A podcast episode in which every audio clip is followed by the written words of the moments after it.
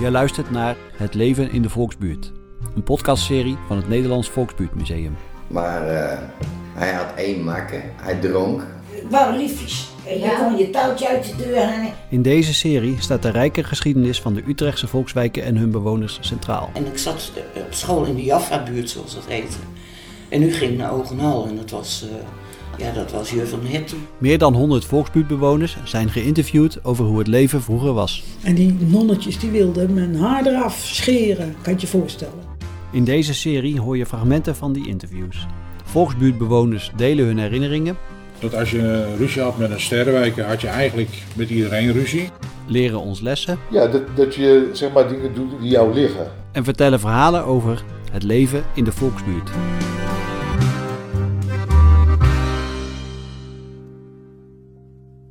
Aflevering 4.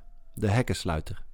In deze aflevering gaat Ingeborg van het Nederlands Volksbuurtmuseum in gesprek met Ali van Rooyen, die onder andere vertelt hoe het was om op te groeien in een groot gezin in de jaren 50 en 60.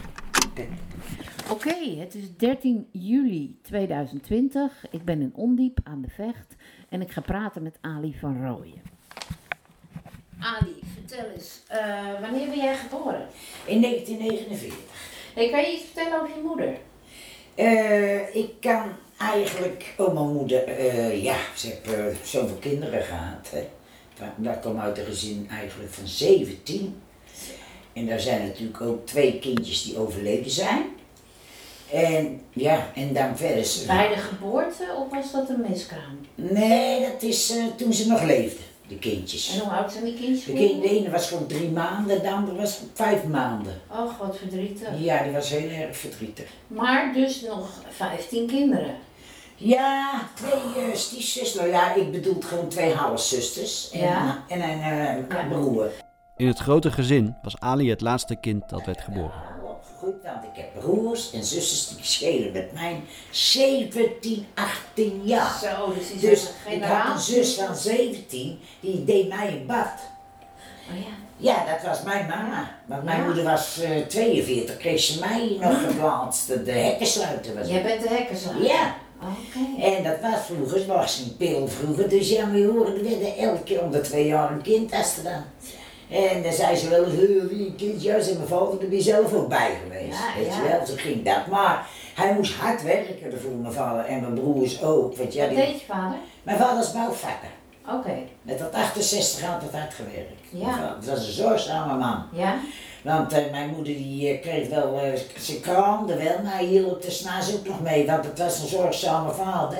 En eh, al was hij nog zo moe, de baby's, alles, hij dekte de kindjes altijd toe. Oh, het ja. was een zorgzaam mannetje. Dus ja. voor die tijd was het eigenlijk een hele moderne man.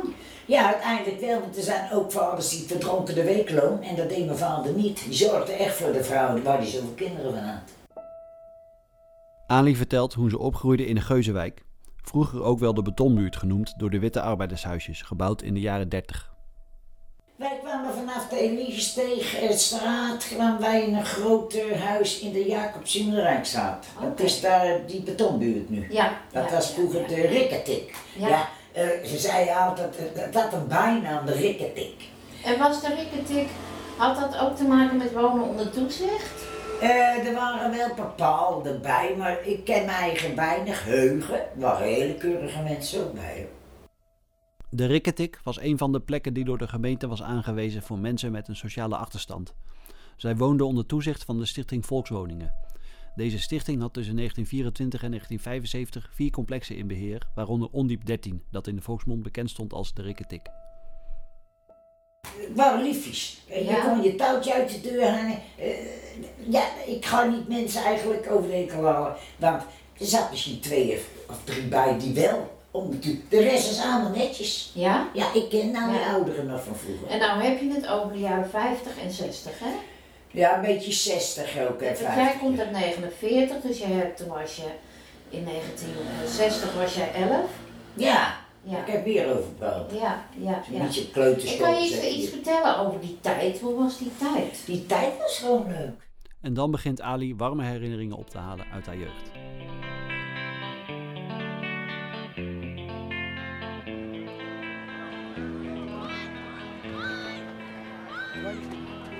eh, ik heb daarvan genoten. Eh, wij waren echt, eh, we hadden een veld, een soort voetbalveld erachter.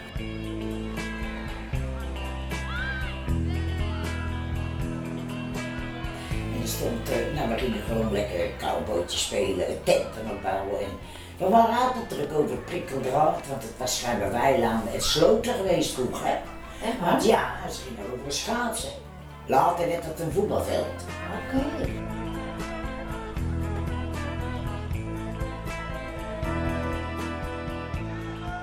En daar hebben we nog heel gezellig gespeeld, de tenten gebouwd, dat vond ik hartstikke leuk.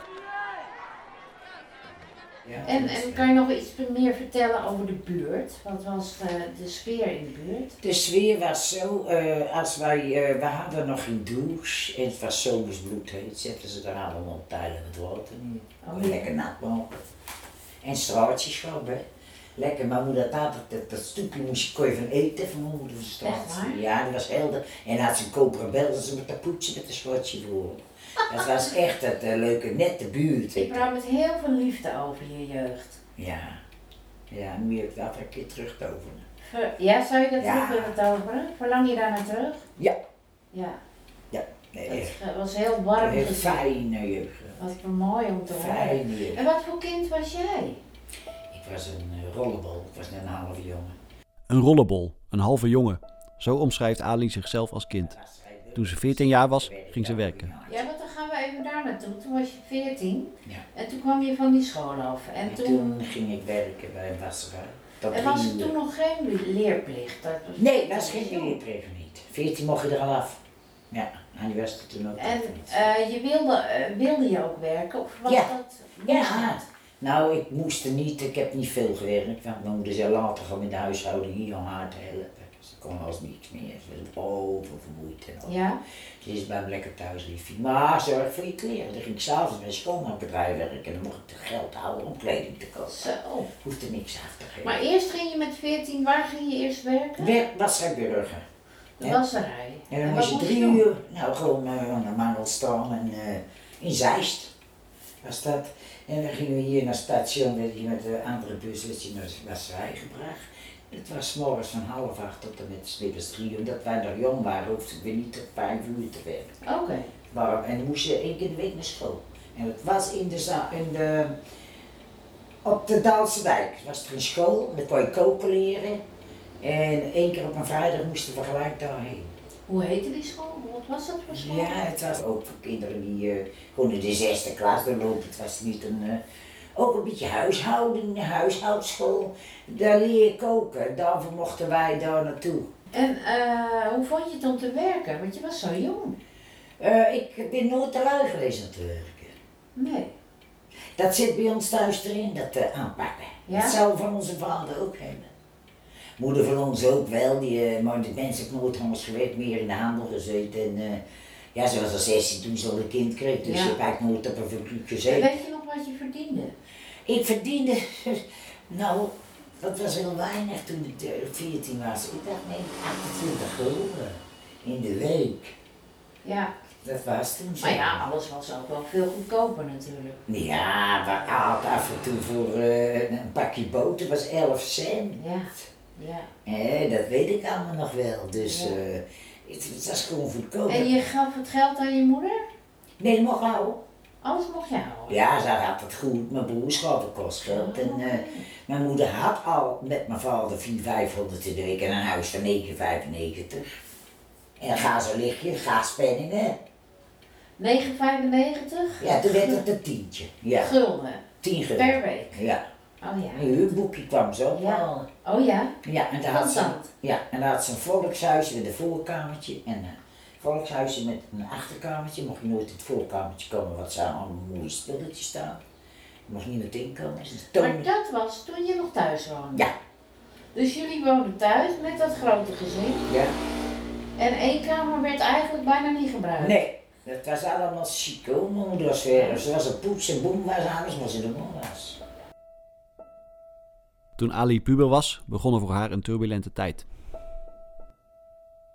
En was je gelukkig meisje? Je was puber toen? zo Ik was een 14, heel 15. eigenwijs meisje.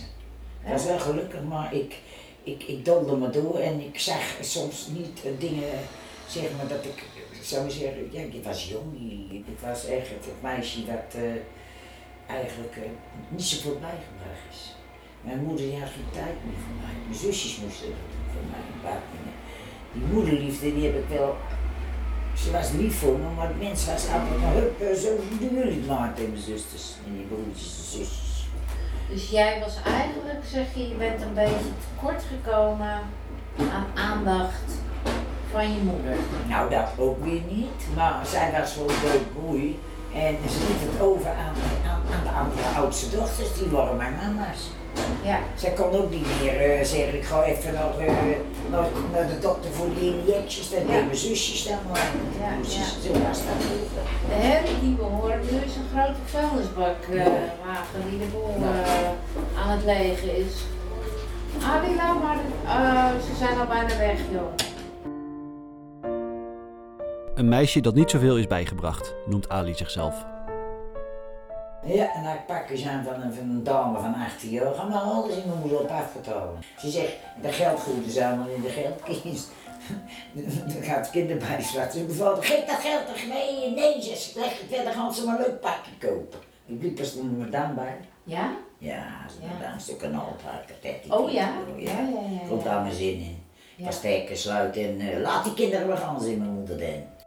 In een stroom van woorden vertelt Ali verhalen over haar vriend in die tijd, die vaak te veel dronk. Als je En toen nog niet getrouwd. hebben we naar het verkeer en gaat- ging het weer uit en ging we stiekem weer uit. Af, ik deed mijn zuster en mijn broer in de klas gelegen. Hij zei, je had hem vergeten, die gozer. En toch liep hij steeds met te zoeken waar ik was. Oh ja, Ja, hij hield precies. van jou. Ja, en dan ging hij steeds kijken waar ik ook stond en eh, bij een poort en vraag ik, hé, hey, toch ben ik met die gozer meegegaan, zei mijn broer aan. Je bent niet nou hebben ze ook een agressief iemand. Voor een kratje bier deed hij alles bijna aan. Maar daar heb ik niks aan. Hij ging feestjes bouwen, kisten bier, waarom? Ik zeg, er gaan huis een boel aan, we moeten sparen. Hij geld stond hij dan. Hij had er maar feestjes bouwen, dat zat er met die verrotte familie ook in. En daar kwam hij eh, bij, ja, hij was heel meer tegen weer wat hij zei. Hij zegt, ga ik zwaaien als je dan eh, voor de ramen staat, dan ben ik ook thuis. Zeg, mijn vader, wat is dat? Hebben we in jou thuis een god dat de kroeg? Maakt het uit of niet? En dan straal je daar maar uit, zei mijn vader, met je 22 ste wat dat nou zat. Want zijn moeder zegt, toen die klein was, zei hij, geef mij maar een vestje bier. Een zootje. Ze hadden zo'n honderd jochie te voeren. Oh ja. Ja. Daarom zei ik ook, ja, ik had een hele lijn, maar mijn sloeg die. Hij kon er eigenlijk niks aan doen. Hij ging naar Nee, maar als ik thuis kwam, dan zei ik, ik heb toch niks gedaan? Ik zeg, waarom ben je nou weer bij je ouders? En dan riep je gewoon in je stinkfamilie waar je uitgekropen hebt. Ik kreeg een klap, mijn tanden los. Als ik het goed zou doen, had ik er nooit aan begonnen. Nog weg kon je alles doen. Maar die alcohol heeft alles kapot gemaakt. Ja, dat zaten die ouders erin en iedereen is daar lastig. Al die broers en zussen zijn. Ik ga zo zeggen, ik heb niks paas, ik dan. Is er weer wat aan de hand? Schaamde je je? Ja, voor mijn vader, omdat hij luisterde. wou. Je dacht, oh god, hij... Toen ze zes jaar getrouwd was met deze man, kregen ze samen een dochter. Ik was binnen, omdat hij zijn dochter wil zien. Maar het kind zei, ik ga met papa niet meer mee, hij is dronken. En dan val ik van de fiets, ik wil niet meer daar naartoe. Ze zitten daar te zuipen en te feesten. De kind was bang, maar de kinderwagen lag al zo. Overdoen zou ik het doen met hem en willen. Nee. Nee, natuurlijk niet. Je hebt te veel ellende gaan klappen en... eh, Ja. Kijk, de kinderen, de kinderen aan de Brasilia is gewoon te veranderen, maar dat zegt niks aan je helft van je jeugd en helft eh, eigenlijk naar de knoppen is geholpen. Uit de helft van, eh, van mijn jeugd is naar de knoppen gegaan. Ja. Hé? Tot 40 jaar die ellende, 20 jaar lang. En dan weer proberen, proberen, proberen. Hij verraamt dat wel, hij verraamt dat wel. Had je als, je, als toen bijvoorbeeld jou, jouw zusters, bijvoorbeeld, je oudere zusters, meer met je gepraat hadden? Van joh Ali, hoe gaat je Hebben ze ook leven wel er nou gedaan, ik luister uit? niet tegen hun. Ik luister Dus niet. iedereen heeft het wel geprobeerd? Het was gewoon een eigenwijze hekkensluiting. Ja. Die Ja. deed wegbouwen. Ja. Te hoog in de bal. Als je nou terugkijkt op je leven, hè? Ehm, vind je dat je genoeg kansen hebt gehad in het leven? Nou, eigenlijk heb ik daar niet bij stilgestaan. Eh, geluk of zo, of kans. Ik gaf de mensen meer geluk hè, dat ik het van een ander kreeg. bij wijze Wie, van heb, spreken. wie hebben jou ge- geholpen in het leven? Wie zijn nou de mensen die je naast jou hebben gestaan en jou gesteund hebben? Ja, dat zijn dus hard geweest. Eh, dat is ook mijn kant van mijn oudste zuster. En eh, die waren ook altijd wel voor mij. de- En eh, mijn broer Joop. Dat is mijn lievelingsbroer. Die, ja. Ja. die, die kwam altijd in mijn tuin en alles doen, die jongen. Arnie ook wel. Arnie ook, ja. Arnie ook, ja. Ali vertelt wat ze tegenwoordig doet om te ontspannen. Ik, ik ken niet meer tegen eh, een soort ellende, want dan ga ik tanken in mijn gezicht. En dan ligt de prakkers hier in mijn kop. En nou ga ik mijn bed in. Ik denk nergens meer aan. Ik denk alleen maar aan liedjes. Oh ja? Ja, dan had ik een liedje uit mijn kop leren en dan ga ik liedjes lopen schrijven in mijn uppie. Dus die liedjes maken jouw leven zinvol. Ja, ja, Ja? echt wel. Maar mijn moeder was ook zo. Ze had dozen met platen thuis. Er werd s'morgens op de piekentuin gezet. Dat zit er van mijn moeder ook in. Tweede stemmen zingen, die zong taart, die zong taart met de vaatwassen. De andere broers konden tweede stemmen opzetten. Ja, la, la, la. Ja, la, la, la. Ja, la, la, la. Ja, ik weet niet, zoiets is het. Ja, het is, het is een hele- ik kan nou niet op die naam komen.